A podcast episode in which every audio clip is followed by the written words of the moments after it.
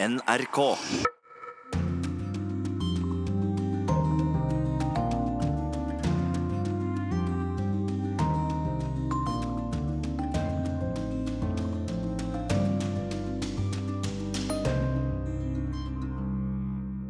권함은 완전한 비핵화를 통해 핵 없는 조선 반도를 실현한다는 공동의 목표를 확인하였다.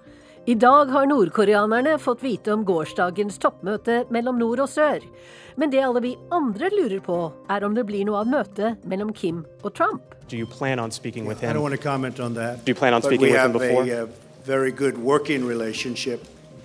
Uh, we're setting up a meeting. Tyskland får nå sitt første ombud mot jødehat. 70 år etter holocaust er antisemittisme fortsatt et problem. Mens politiet sier at 90% av antisemittistiske angrep kommer fra høyreekstremister, sier jødene selv at de opplever at det er muslimer som står bak. President Erdogan vil ha et mer religiøst Tyrkia, men ny forskning viser at de unge beveger seg vekk fra Gud. Snakkelsen blant sekulære tyrkere om dagen er at stadig flere kvinner med hodeplagg vender seg fra islam. De bruker hijab, men har sluttet å tro på Allah. Korrespondentbrevet kommer fra Washington, og i krig og fred skal det handle om spioner og Le Bureau. Vel møtt til Urix på lørdag, jeg heter Wenche Eriksen. USAs president Donald Trump får honnør på hjemmebane for det som skjedde på Koreahalvøya i går. Ikke bare tok den nordkoreanske lederen Kim Jong-un det historiske steget over på sørkoreansk jord, han skrev også under på en erklæring om total atomnedrustning på halvøya. Nå er jo veien fortsatt lang til visshet om at Nord-Korea ikke lenger har eller lager atomvåpen, men det som skjedde i går gjør det mer sannsynlig at Kim også vil få møte Trump, rapporterer Tove Bjørgaas fra Washington. We're handling it well, and hopefully there'll be peace for North Korea, South Korea, Germany. I mean, everything is included. Japan, uh, the chancellor has been very helpful. Med et håp om fred langt flere steder enn på Koreahalvøya møtte president Trump journalister sammen med Angela Merkel i går. I think the responsibility has fallen on the shoulders of the president of the United States, and I think we have. Uh, I think I have a responsibility to see if I can do it. Dette ansvaret har landet på den amerikanske presidentens skuldre, og jeg skal gjøre så godt jeg kan for å lykkes, sa han. De historiske bildene fra Koreahalvøya har selvsagt fått også mange amerikanere til å sperre øynene opp. Er Kim Jong-un virkelig? lyder en av CNNs overskrifter. Trump får også ros fra langt bredere lag enn vanlig her for å ha nådd så langt i Nord-Korea-konflikten. Uten det harde presset, den saftige språkbruken og den vågale framgangsmåten til Trump hadde vi kanskje ikke vært der vi er i dag, mener flere kommentatorer. Have you spoken with uh, Kim Jong Un himself, or do you plan on speaking with I don't want to comment on that. Do you plan on but speaking with him have a uh, very good working relationship. Uh, we're setting up a meeting. Vi har et godt arbeidsforhold. Vi planlegger et møte. Som dere ser har det skjedd store forandringer, også i språkbruken, sa Trump i går. Veien fra trusler om ild og vrede mot den lille rakettmannen til løftet om et historisk toppmøte er ikke en vei en annen amerikansk president ville ha valgt. Og kanskje er det derfor Trump har kommet så langt. Kanskje må en være litt aparte for å få slutt på den mest innbitte konflikten som henger igjen fra den kalde krigen. We get a kick every once in a while out uh, I'll be watching people that failed so badly over the last 25 years explaining to me how to make a deal with North Korea. I get a big, big kick out of that. Trump sparket til sine forgjengere i går. Ikke minst til Obama, som fortalte ham at Nord-Korea var noe av det viktigste han måtte fokusere på da han overtok som president. Kommentatorer her mener også at Trumps uortodokse framferd kan ha fått Kina til å gå med på å legge hardere økonomisk press på Kim. Av frykt for at Trump faktisk kunne komme til å gjøre noe så utenkelig som å bruke militærmakt. Og kanskje var det sanksjonene, også fra Kina, som til slutt tvang Kim til forhandlingsbordet. Det var en historisk dag i går, men historiebøkene skal slett ikke skrives ennå. Utfordringen til amerikanerne nå er hvordan de kan teste og få forsikringer om at Kim virkelig vil gjøre Koreahalvøya atomvåpenfri. Kan Trump f.eks. få ham til å sende landets atomvåpen til utlandet for ødeleggelse? Mange tror det vil bli vanskelig. Nord-Korea dominerer slutten av denne nyhetsuka, der utenrikspolitikk virkelig har stått i sentrum her. Vi Deutschen können fühlen, was es bedeutet, wenn nach Jahren der Teilung wieder Kontakte entstehen. Både Frankrikes og Tysklands ledere har vært på besøk. Og Trump har fått ny utenriksminister. Alle disse tre har vært opptatt av den andre store utenrikspolitiske trusselen verden står overfor. Framtida til atomavtalen med Iran. Working, sure we'll. Mike Pompeo ytret sine første ord som utenriksminister på Natos utenriksministermøte i går. Og sa det er usannsynlig at Trump vil la USA bli værende i Iran-avtalen om ikke svakhetene i den blir rettet opp. Både Iran og Russland har sagt kategorisk nei til noe slikt. Urgency, og sa det er usannsynlig at Trump vil la USA bli værende i Iran-avtalen om ikke svakhetene i den blir rettet opp. Både Iran og Russland har sagt kategorisk nei til noe slikt. Og president Macron sa til journalister før han reiste herfra på onsdag at han tror Trump kommer til å trekke USA ut. Iran og Nord-Korea står slik i kontrast til hverandre akkurat nå. Ønsker Trump-administrasjonen å handle alene, eller å få hjelp fra andre nasjoner, slik de har fått både i Nord-Korea og i Syria? Frankrikes president minnet politikerne i Kongressen om hva han mener er amerikanske verdier. The United States is the one who. You are the one now who has to help to preserve Det var dere, USA, som oppfant multilateralismen. Nå må dere ta vare på den, sa han.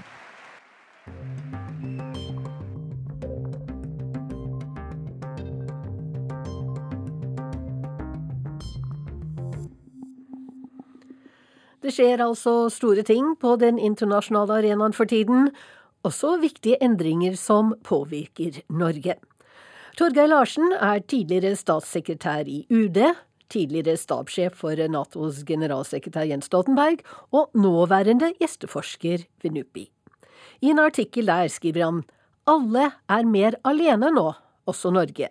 Og som småstat kan vi ikke uten videre ta Norges sikkerhetspolitiske rammebetingelser for gitt. Jeg har spurt ham hva han mener med det. Når det gjelder at alle er mer alene, også Norge, eh, så tenker jeg på i en Nato-sammenheng, eh, hvor vi ofte tenker på den kalde krigen. Eh, da var det enklere. Det var én trussel, det var Sovjetunionen. Alt det Norge gjorde sikkerhetspolitisk, var direkte relevant for andre Nato-medlemmer. I dag er det en mye mer kompleks sikkerhetspolitisk situasjon.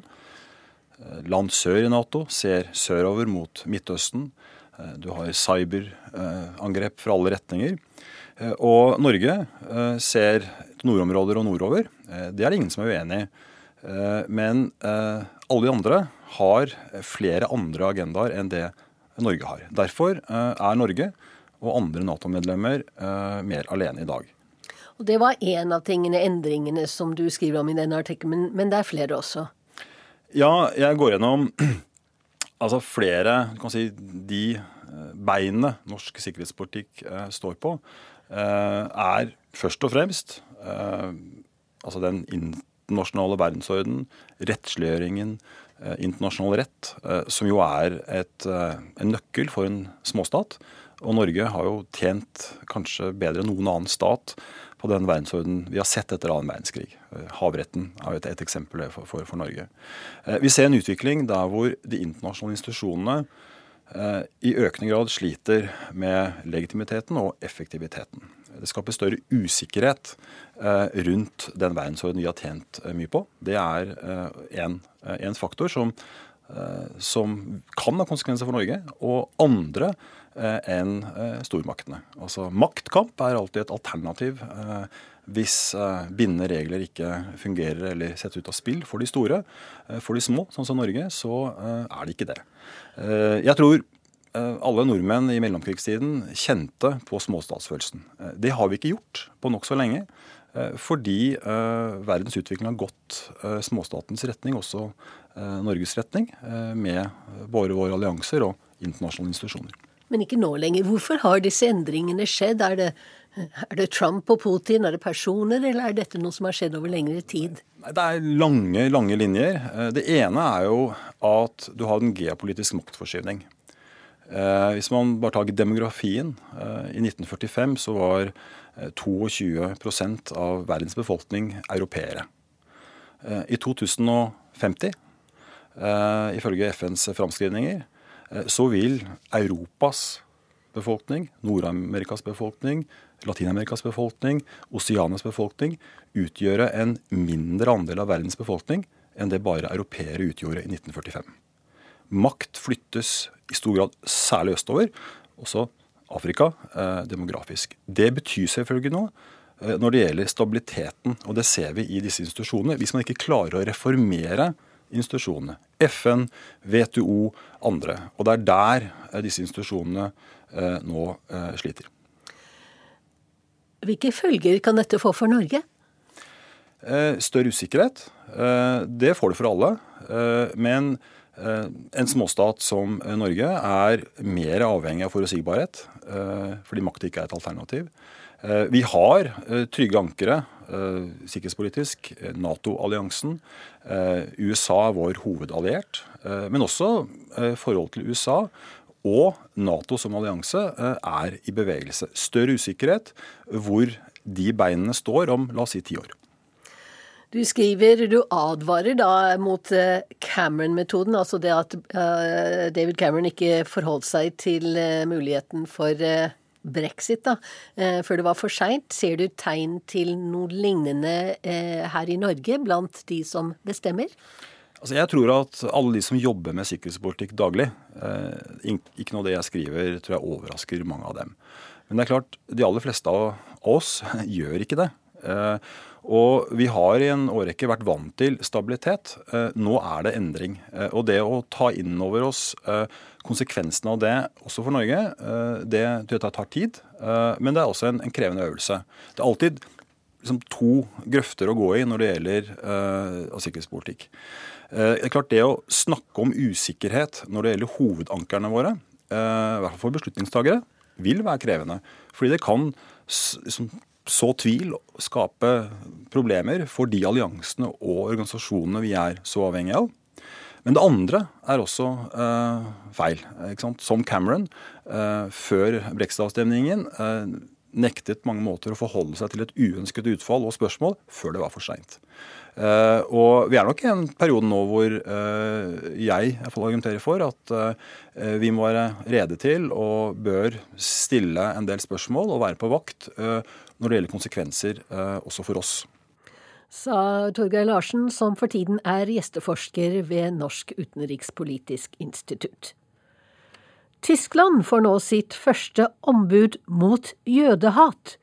Førstkommende onsdag starter Felix Klein i den nyopprettede stillingen, som skal ligge under Innenriksdepartementet. Til tross for at det nå er over 70 år siden holocaust, viser det seg at det dessverre fortsatt er nok å ta tak i når det gjelder antisemittisme i Tyskland.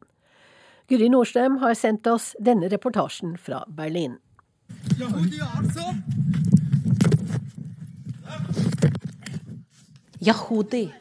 det arabiske ordet for jøde, roper den 19 år gamle palestinske flyktningen fra Syria mens han denger løs med beltet sitt. Mannen som angripes, kaller seg Adam og har på seg det tradisjonelle jødiske hodeplagget kippa. Mens han blir slått, filmer han angrepet og legger videoen ut på Facebook. Hendelsen skjer ikke i Midtøsten. Den skjer i tjukkeste Berlin, i bydelen Prenzlauer Berg, tirsdag forrige uke. Auf dem Weg zur, zur Bahnhaltestelle haben uns drei Jungs begegnet. Vi var på vei til banen da tre personer kom mot oss. Da vi tok på oss kippaene, begynte de å skjelle oss ut. Kameraten min ba dem om å gi seg. Da fløy den ene på meg med beltet sitt. Da jeg så han kom mot meg, tok jeg opp mobiltelefonen og filmet slik at politiet kunne få bevis, forteller Adam til Berliner Morgenpost. Jeg har gefilmt, weil es mir wichtig war, dass die Polizei. Palestineren som angrep, sitter nå i varetekt. Men Tysklands problem med antisemittisme slutter ikke der.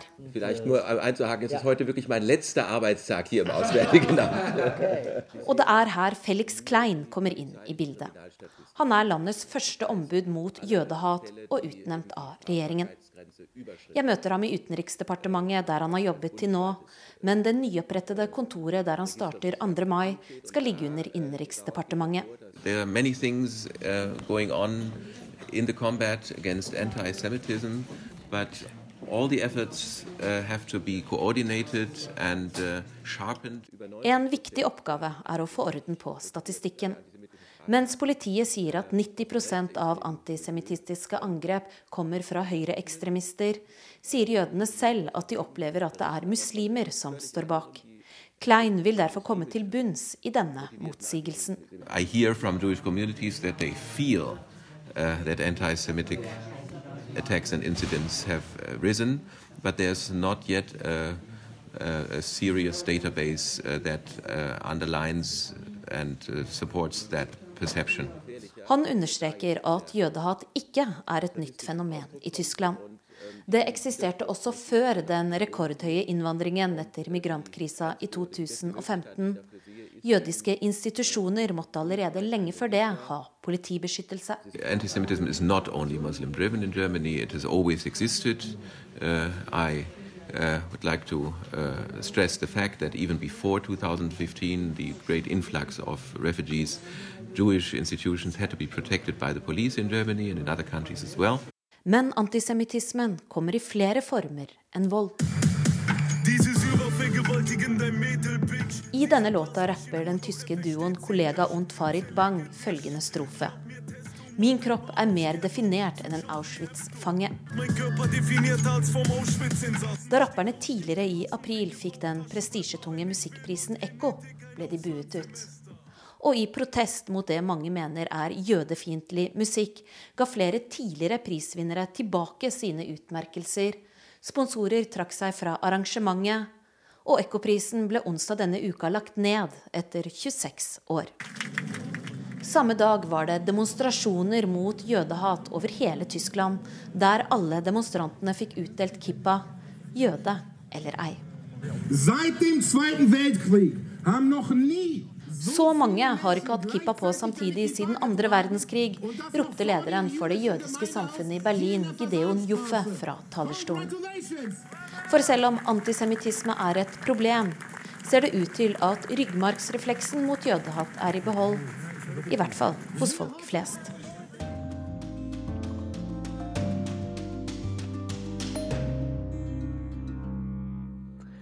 Til Tyrkia nå. Det er nærmest opplest og vedtatt at landet er blitt mer religiøst under president Recep Tayyip Erdogans styre. Men nå viser forskning at tyrkerne slett ikke er på vei mot et mer gudfryktig og konservativt samfunn. For stadig flere unge tyrkere blir sekulære og til og med ateister.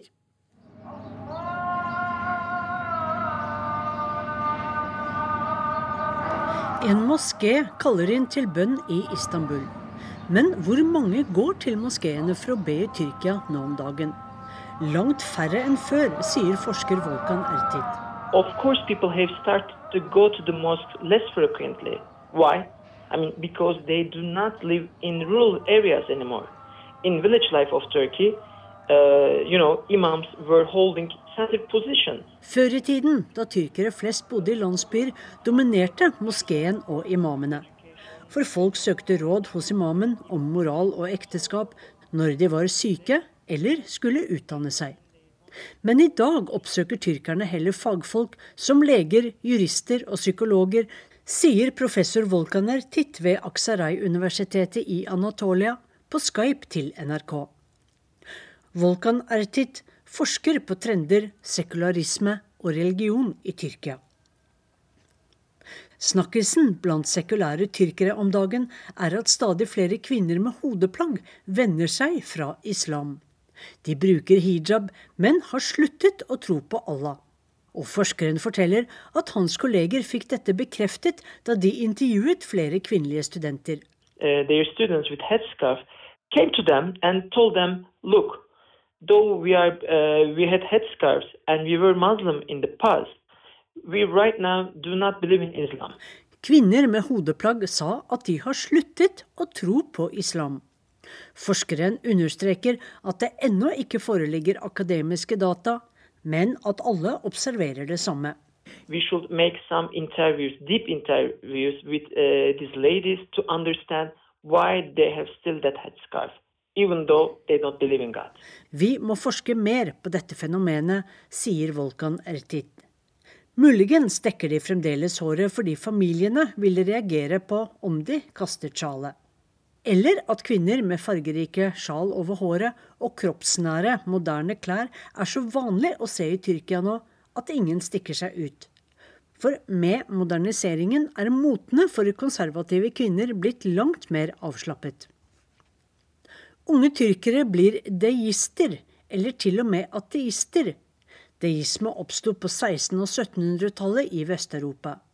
Deistene mener at Gud er verdens skaper, men at han eller hun verken åpenbarer seg eller griper aktivt inn i menneskers liv. Derfor trenger ikke menneskene religionen lenger. Deisme er blitt den nye trenden i Tyrkia nå. Det er to grunner til at den unge generasjonen vender seg bort fra religion i Tyrkia internettet og universitetet. Everybody has a social media account, be it Facebook, Twitter or Instagram.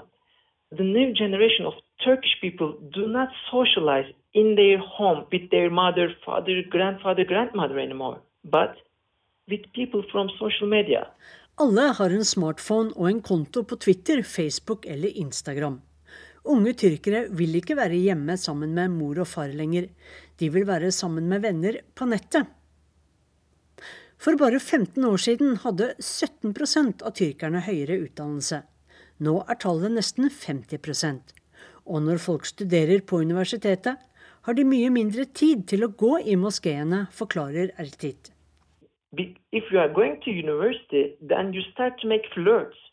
Går du på universitetet, begynner du å flørte med medstudenter, noe som er uhørt i konservative familier. Men i SMS-enes og Messengers tid kan ingen i familien hindre flørting mellom ungdommer før en formell forlovelse er inngått, slik det var for bare 15-20 år siden. Det store paradokset er at mens Tyrkia har sin mest religiøse og konservative president og regjering noensinne, er tyrkerne mindre religiøse enn før.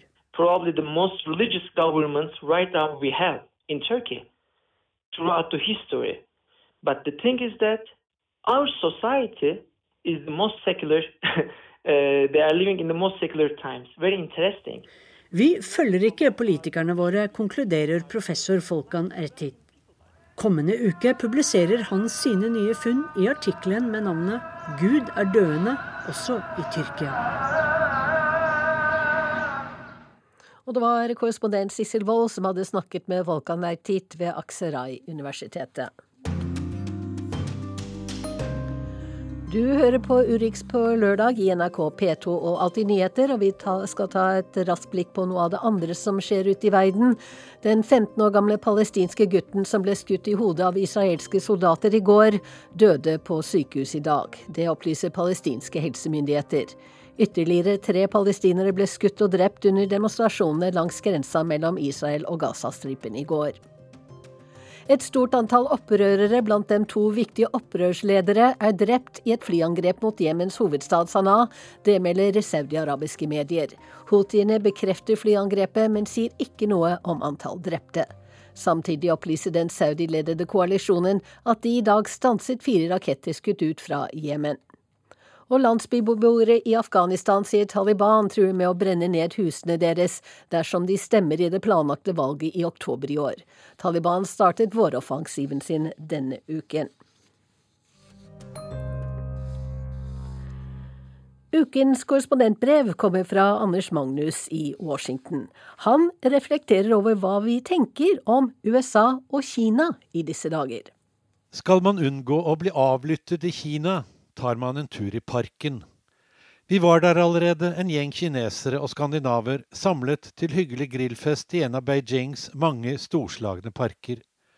Den gang var jeg Asia-korrespondent for NRK og bodde i den kinesiske hovedstaden. En av våre kinesiske venner hadde tatt med seg en venninne som var hjemme på ferie fra et studieopphold ved et amerikansk universitet. På nesten feilfritt engelsk fortalte hun om livet i USA. Jeg antok at det måtte være ganske forskjellig fra det hun var vant til. Nettopp fordi vi var i parken, tok jeg sjansen på å spørre om hun hadde fått et annet syn på politikk etter å ha oppholdt seg i Amerika hva hun syntes om et demokratisk, folkevalgt system, i motsetning til partidiktaturet i Kina. Svarene hennes overrasket meg. Hun var mest opptatt av butikkene, mulighetene til å kjøpe de nyeste merkeklærne. At USA var et land hvor folk valgte sine ledere, hadde hun ikke fått med seg. Politikk var hun ikke interessert i, og snakket aldri om slikt med studiekameratene sine. Jeg husker hvor skuffet jeg var. Hvorfor benyttet ikke kinesiske ungdommer seg av muligheten til å få et utvidet syn på hvordan man kan styre et samfunn når de oppholdt seg i verdens mektigste demokrati? Hvordan var det mulig ikke å reflektere over den beinharde politiske kontrollen de levde under i Kina, når man kom til et land hvor informasjon og meninger fløt fritt? Hvor lydig overfor sitt eget totalitære system gikk det an å bli? Enda lydigere har jeg nå fått vite. For at ingen skal være i tvil, Kina er et diktatur. Et styresett hvor kommunistpartiet bestemmer alt det har lyst til å bestemme. Og hvor lederen av partiet, Xi Jinping, som også er landets president, nå har karet til seg nesten like mye makt som despoten Mao Zedong hadde i sin tid. Mens Mao var avhengig av at naboer og familiemedlemmer sladret på den som ytret seg kritisk om partiet og herskerens allmakt, har Xi tatt teknologien til hjelp. Både i USA og i andre vestlige land kan myndighetene følge med på egne borgeres gjøren og laden. Det har vi fått vite gjennom avsløringene til Edward Snowden. Men i Kina har man tatt overvåkningen til et helt annet nivå, og bruker den bevisst for å opprettholde kommunistpartiets maktmonopol. Ved hjelp av enorm datainnsamling fra mobiltelefoner og andre lyttende mikrofoner overvåkningskameraer som bruker ansiktsgjenkjenning, pluss alle andre slags elektroniske spor, er myndighetene i ferd med å få oversikt over hvor alle kinesere til enhver tid befinner seg, og hvordan de oppfører seg. Slett oppførsel, som å røyke der det ikke er lov, kan gi mindre sosial kreditt og en type mildere straff. Kritiserer man kommunistpartiet, kan straffen bli atskillig hardere. Partiet og lederen har til sin rådighet et enormt sikkerhetsapparat med et budsjett større enn det de militære styrkene får. Nå har diktator Xi bestemt seg for å søke innflytelse også utover landets grenser. I juli i fjor stilte en gruppe kinesiske studenter seg pent opp foran et rødt flagg med gul hammer og sigd i det ene hjørnet, kommunistpartiets symbol. Det overraskende var at bildet ble tatt på et universitet i staten Illinois i USA, og at anledningen var dannelsen av en particelle, en avdeling av Kinas kommunistiske parti, opprettet i frihetens hjemland USA. Det kinesiske universitetet studentene kom fra, hadde pekt ut fire lærere for å være med over til USA. De skulle opprette partigruppen og sørge for ideologisk veiledning til studentene. Det amerikanske magasinet Foreign Policy har snakket med en av studentene som var med i particellen. Han forteller at de før avreise ble instruert om alle de ideologiske farene man kunne møte på i USA. Og både underveis og etter hjemkomst til Kina måtte alle avgi rapporter om sine medstudenter. Om disse hadde kritiske tanker til kommunistpartiet eller andre undergravende synspunkter. Partiformann Xi Jinping er fullstendig klar over at unge kinesere både hjemme og ute kan besudles av frihetlige tanker de måtte få ved å lese om eller oppholde seg i vestlige demokratier. Hjemme har man derfor strammet inn, med sterkere ideologisk kontroll og økt vekt på patriotisk utdanning. De kinesiske studentene i utlandet har fått direktiver om å opprette particeller som skal fremme partiet og de kinesiske myndighetenes politikk. University of Illinois er bare ett av flere amerikanske læresteder som har fått kinesiske partilag.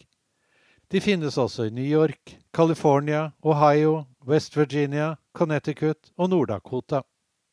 Og også på universiteter i andre land. Canada, Mexico, Chile, Australia, Frankrike, Tyskland, Italia, Spania, Portugal, Hellas, Nederland, Sør-Korea og Thailand. Spesielt interessant er et kinesisk universitet knyttet til hæren.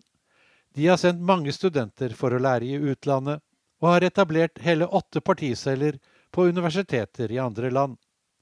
At slike partiavdelinger kan få instrukser om å skaffe til veie kunnskap om ny og kanskje hemmelig militær teknologi, burde ikke komme som noen overraskelse på vertslandene. I utenlandske bedrifter som etablerer seg i Kina, opprettes det også particeller med medlemmer fra de kinesiske ansatte.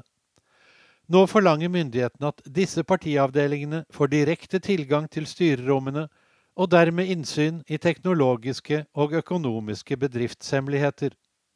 Under mine fire år som korrespondent i Beijing møtte jeg det kinesiske overvåkningsapparatet hver eneste dag. Intervjuobjekter som var kritiske til myndighetene, ble trakassert og i verste fall arrestert. En økonomiprofessor som støttet fredsprisvinner Liu Xiaobo, klarte heldigvis å komme seg unna til USA. Det kinesiske mobiltelefoniselskapet Huawei er bannlyst i USA. Man frykter at utstyr fra kineserne kan inneholde skjulte koder som kan aktiveres fra Kina for å drive avlytting av mobilnettverket, eller i verste fall slå det av dersom Kina og USA kommer i konflikt. I Norge har Huawei levert svært mye av utstyret til det norske mobilnettverket, noe som gjør enkelte norske sikkerhetsmyndigheter svært nervøse. Settes Huawei-utstyret ut av spill, har vi ikke lenger noe mobilnettverk i Norge. I disse dager sies det mye stygt om USA, Særlig når den ene bisarre Trump-nyheten etter den andre slippes ut fra Det hvite hus. Mens Kina i stadig større grad framstilles som den hvite ridder i verdenspolitikken, både innenfor klima og handel. Selv om kineserne bygger ut kullfyrte kraftverk i rekordtempo, og fortsetter sine tyverier av både intellektuell eiendom og teknologi fra andre land, særlig USA. Derfor får da også president Trump solid støtte for sin kritikk av Kina. Når jeg sitter her i Trump-landets hovedstad og ser hvordan TV-stasjoner og aviser fritt kan kritisere myndighetene fra nederst til øverst, hvordan komikerne kan gjøre narr av presidenten hver eneste dag, hvordan føderale dommere kan sette presidentens ordre til side, da fryser jeg litt på ryggen når jeg tenker på hvordan dette ville sett ut i Kina. Hver eneste journalist, komiker eller dommer som hadde kritisert eller parodiert president Xi, ville få timer etterpå blitt arrestert og trolig også torturert for å få fram en full tilståelse. USA er tross alt et fungerende demokrati, med fri presse og ytringsfrihet, med uavhengige domstoler og makt til de folkevalgte. Kina er et diktatur. Et partidiktatur som i stadig sterkere grad utvikler seg til et personlig diktatur under Xi Jinping. Da jeg jobbet i Kina, ble jeg jevnlig innkalt til myndighetene, som åpenbart ikke likte reportasjene mine. Til hvert møte hadde de med seg en tjukk bunke papirer som de bladde i. Dette og dette hadde jeg sagt om kommunistpartiet, det måtte jeg slutte med. Det viste seg at alt jeg hadde sagt eller skrevet til mitt norske NRK-publikum, hadde blitt oversatt til kinesisk. På den kinesiske ambassaden i Oslo satt en ung kineser og oversatte. Jeg hadde faktisk truffet ham på et språkuniversitet i Beijing. Han hadde tatt Harald som sitt norske navn. Det paradoksale var at Harald hadde lært norsk i Kina med norske lærere og norsk støtte. Nå brukte han sine kunnskaper mot oss. Her i USA er det ingen myndigheter som spør hva jeg rapporterer om Trump. Sa Anders Magnus.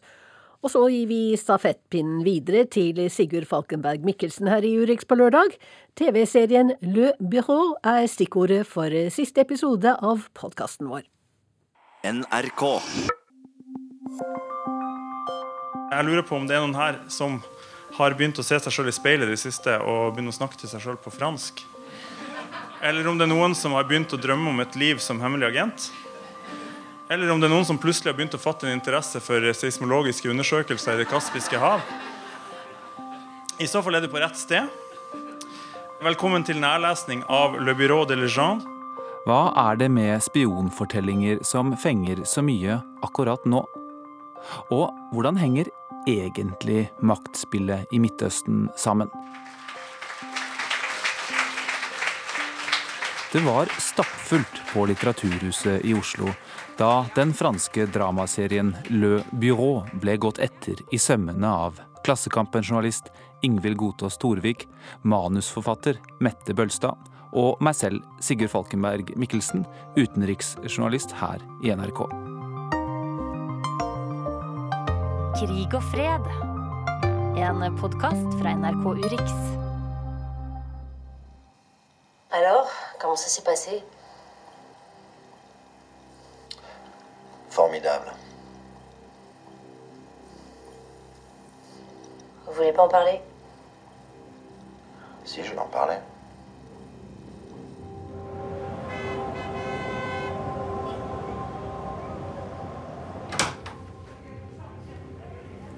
Ça s'est passé quand Ce matin. Hvorfor er det sånn at eh, det er så mange her i dag, og vi alle har blitt helt Le Byrå-gærne? Det er jo først og fremst kanskje fordi det er en veldig bra serie. Den treffer jo også veldig godt i tiden eh, på to ting, tenker jeg. Det ene er det internasjonale konfliktbildet, Mm. som jo har eh, sluttet å ha kriger som begynner og slutter. Eh, sånn at det rene militære si, filmer, serier, er mye vanskeligere å skape et sånt tydelig, en tydelig fortelling om. Sånn type annen verdenskrig. Eh, Mm. ikke sant? Så i dag, dagens kriger, særlig i Syria, eh, er jo da er jo et mylder av forskjellige interesser og mye mer komplisert. Og inn der kommer på en måte eh, etterretning, spioner og alt det som foregår som ikke vi ikke vi ser. Og eh, det tror jeg er den ene forklaringen. Og så tror jeg den andre forklaringen er litt mer uh, skal vi si, individuell, personlig. At, at uh, dette med dobbel identitet er, ligger mye tettere på oss nå enn de gjorde eh, tidligere. Altså Alle kan på en måte eksperimentere med Mm. egne identiteter på nettet, i sosiale medier. Kanskje du til og med endre litt personlighet fra de forskjellige mediene du opererer i. Eh, Så, så de to tingene sammen tror jeg gjør at eh, altså, det er en perfekt miks for eh, en sånn eh, spionfilm. Og så, så er det jo det at man får med et sånt snikkikk på noe vi for noen De som egentlig kontrollerer verden. Typ. Mm. Mette, du er jo serieskaper og har eh, laga serie om eh, Norge i Afghanistan. Hvilke forhold har du til den herre spionsjanger Altså, jeg må innrømme sjøl at jeg har ikke vært sånn spiongæren. Det er sikkert veldig mange som er veldig Men jeg har ikke lest uh, Le Carré. Jeg har liksom Men allikevel så har jeg bare blitt helt sånn oppslukt i den serien her. Har du gått spionskolen, eller? Jeg har ikke gått hele spionskolen, men jeg har gått den gamle spionskolen. Eh, John okay. le Carrey eh, Ja. um, kjenner jeg ganske godt. Lest alle bøkene hans. Og også det interessante tomrommet som oppsto i hans forfatterskap da den kalde krigen var over. For det var ikke noe han kunne gjøre lenger. Og det er jo veldig rart. Man skal være glad for at det er over. Men for han gikk litt i stå da. Uh, og så har det vært en, sånn, uh, en sjanger som egentlig har ligget litt på lavbluss, som han har forsøkt å vekke til live. Og så har det kommet en veldig potent eh, situasjon som alle er veldig opptatt av, som ingen egentlig forstår. Mm. Eh, som er den eh, som, ja, som er egentlig hele Vesten mot Østen, eller kristendom mot islam, eller hva man kan kalle det. Men det har holdt på lenge. Og dette er kanskje den første som har klart å rendyrke det som en eh, Å bruke spionsjangeren da, på å snakke om dette her, som har lykkes sånn fullt ut. Så det er veldig gøy å se at man har tatt en veldig bra sjanger og løftet det inn i et nytt område som er, eh, så det blir friskt og nytt å se på igjen. Det som er interessant når jeg så på det, var eh, Jeg har litt kontakt med E-tjenesten. Har jobbet med Nobel. Eh, at det er gjenkjennelige karakterer. Det er ganske Mm. hverdagslig, det er analytisk, det er stille, men det er folk som har en evne til å, å kontrollere nervene sine. Som egentlig er ganske gærne, men som fremstår på en sånn stillferdig måte at herregud, hvordan kan du liksom ikke si noe nå? Mm. Det er jo fascinerende å se på. Så jeg tror det at de er gjenkjennelige for oss, det kunne vært hvem som helst. De øker jo et slags spenningsnivå rundt oss også, for de kan være der og der. Mm. Og så ser man selvfølgelig den, at det er, dette er en dette er en type krig hvor man trenger folk. Da. Man trenger å få informasjon. Vi trenger å vite hva som foregår. Det er rett og slett interessant å se hvordan man får tak i den informasjonen. For vi har den jo ikke.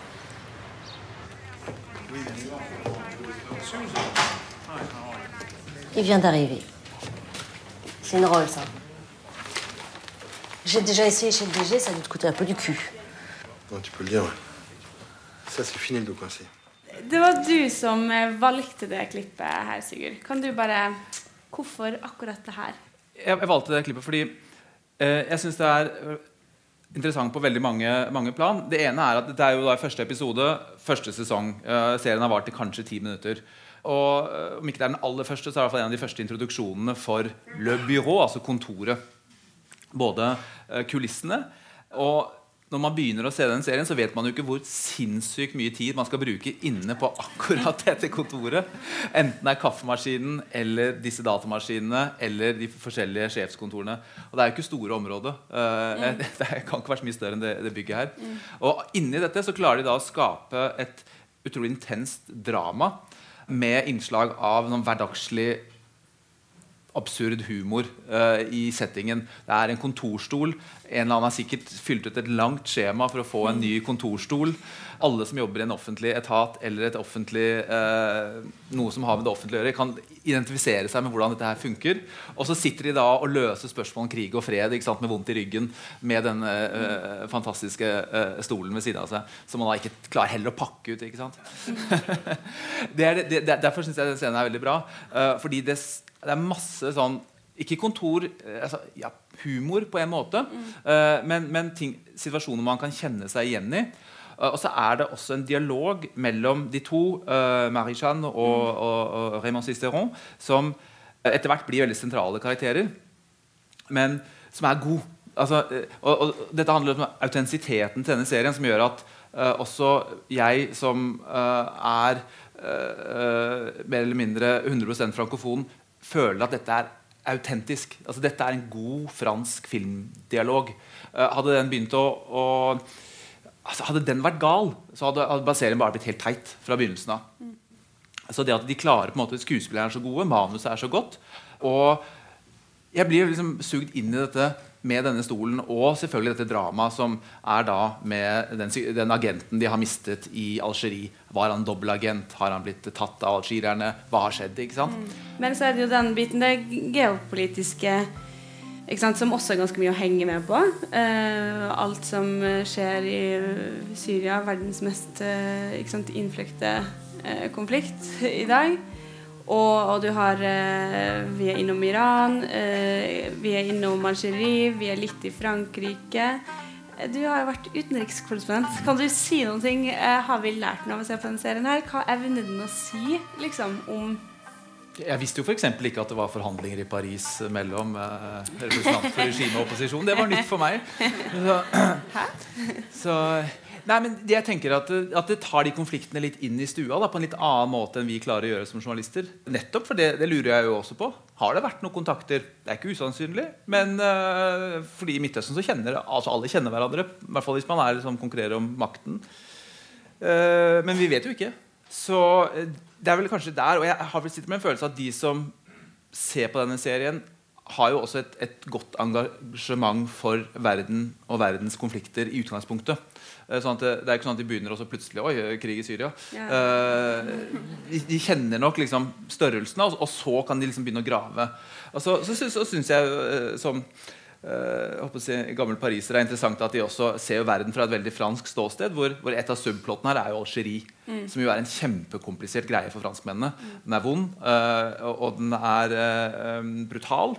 Eh, og algerierne kjenner franskmennene like godt som franskmennene selv, og vice versa. Så, så, så, så det at man dras inn i et litt annet sånn geopolitisk eh, verdensbilde, det ser er kjempeinteressant. fordi i Norge så eh, Uh, det er en liten kjepphest her. Men altså, i Norge så, så, ser vi jo verden veldig gjennom si London og Washington. Mens mm. fra Paris så ser verden litt annerledes ut. Det er andre konflikter. Det er, det er en litt annen måte å løse ting på. Uh, og man er på litt tettere på en annen type si, verdensnerve, da, for å være litt sånn uh, stor i ordbruken. Så, så, så jeg, jeg, jeg syns den visualiserer mye, mye, av de tingene på en, på en, på en god og, og, og, stort sett troverdig måte. Je croyais qu'il était encore au Japon ce matin. Non, il est déjà à Séoul. Nous avons l'ambassade.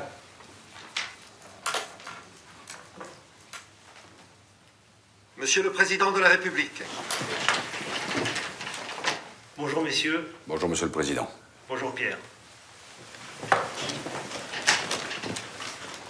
Det er kanskje liksom ikke det mest sånn nervepirrende klippet, men man er jo liksom på rektors kontor, eller presidenten kommer jo, liksom.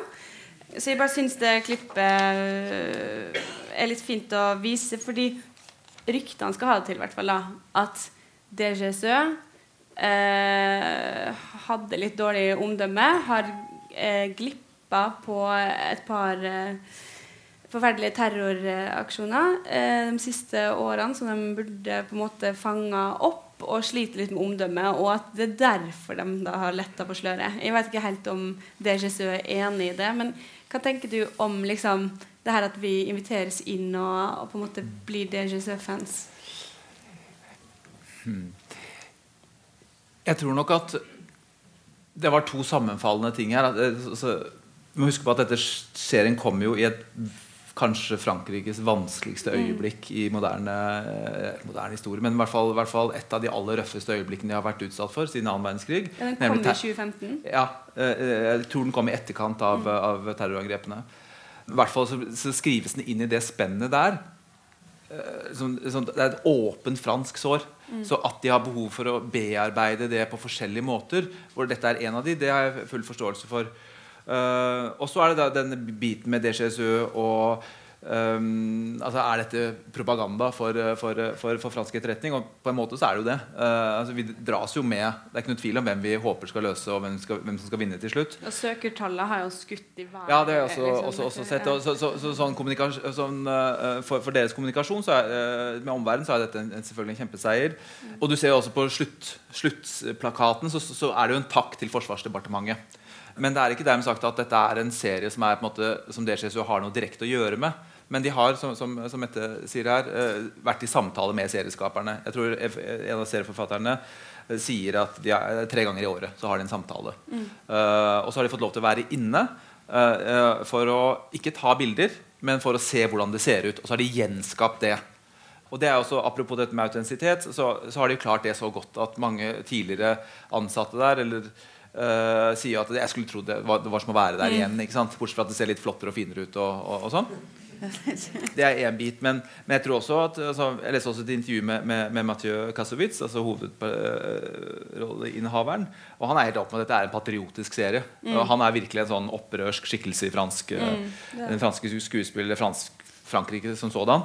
Men så sier han også noe fascinerende. at liksom, Hva er så galt med det? Hvorfor er det sånn at vi skal kjenne NASA, men ikke ESA, som er det europeiske romfartsprogrammet? ikke sant? Altså, jeg synes Det er en helt fair måte å framstille eget samfunn på. Og gi, gi de kjennskap til egne institusjoner. Uh, og, så det legges, aldri, det legges ikke skjul på, i, i hvert fall i fransk offentlighet, hvordan det der henger sammen. Bare sånn forlengelsen av det, da. Fordi CIA føler jo på en måte at de vet litt om det. eller sånn, Jeg har sett ja. Det dukker opp i filmer og TV-serier hele tida. Sånn. DGSØ, det er litt, uh, litt, mer nytt. Hvorfor har vi liksom bare sett det amerikanske fram til nå? Du har jo uh, fulgt litt med på spionserien. Uh, du hadde ikke sett Homeland, sa du? Men, nei, nei, det har jeg ikke sett. Nei, men jeg tror Amerikanerne begynte å fiksjonalisere seg selv veldig, veldig tidlig.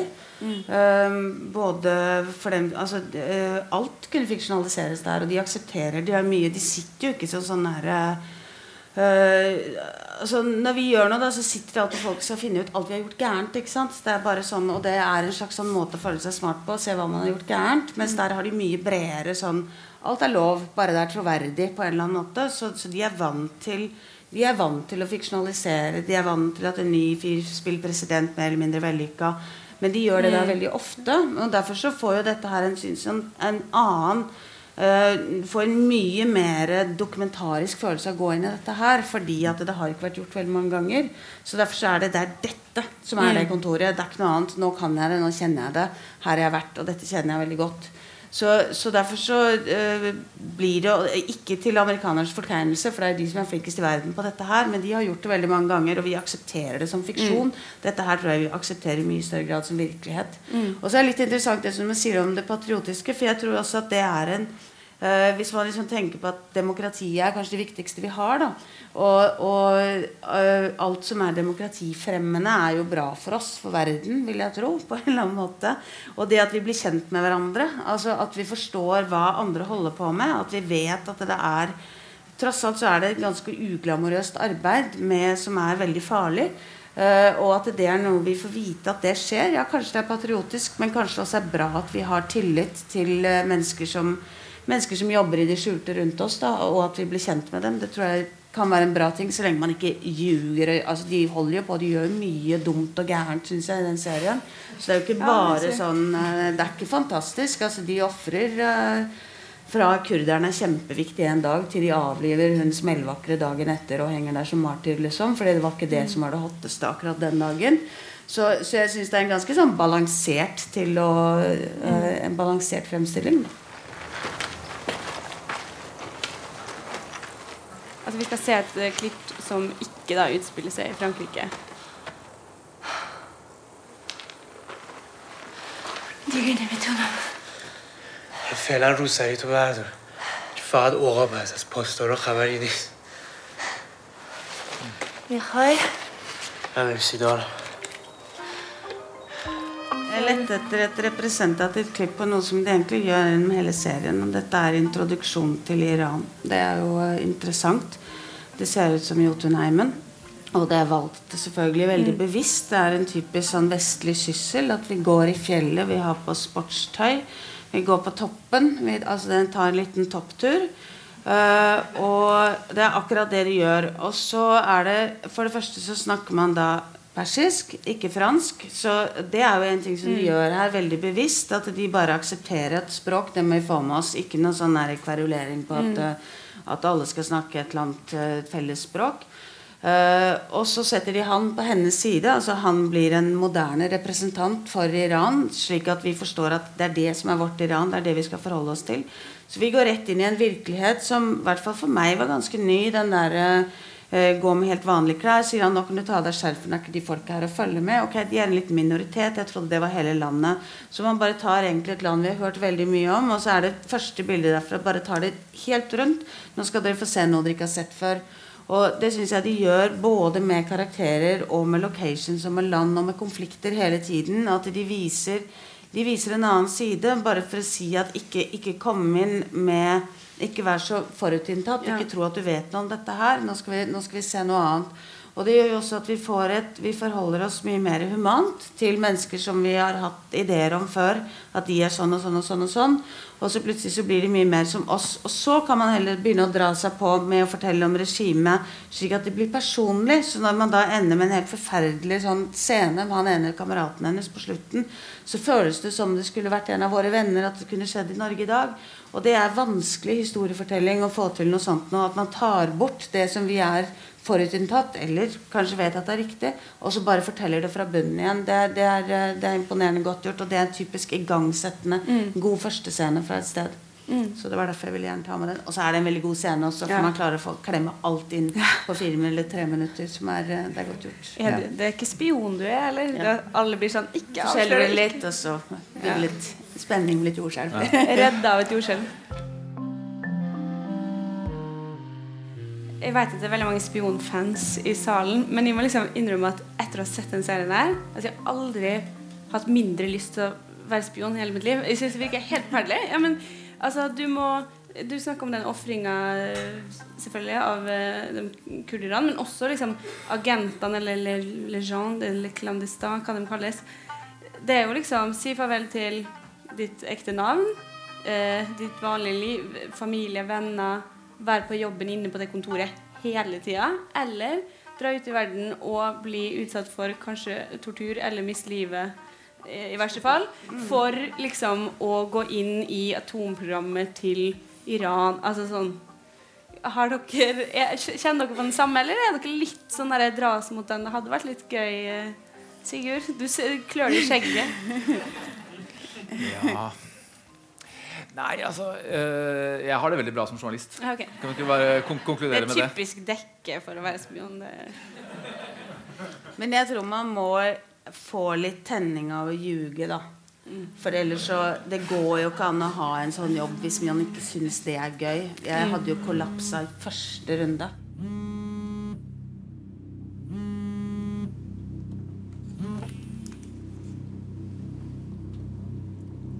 Allô Guillaume.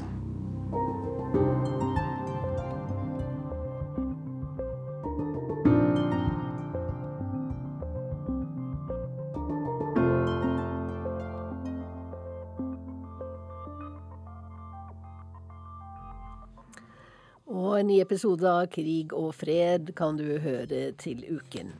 Urix på lørdag er eh, slutt, men eh, du kan holde deg oppdatert på det som skjer ute i verden, både her i NRK Radio, på TV og på nrk.no døgnet rundt hver dag hele uken og hele året. Teknisk ansvarlig for denne sendingen var Hanne Lunås. Produsent var Hans Christian Eide. Og her i studio satt Wenche Eriksen.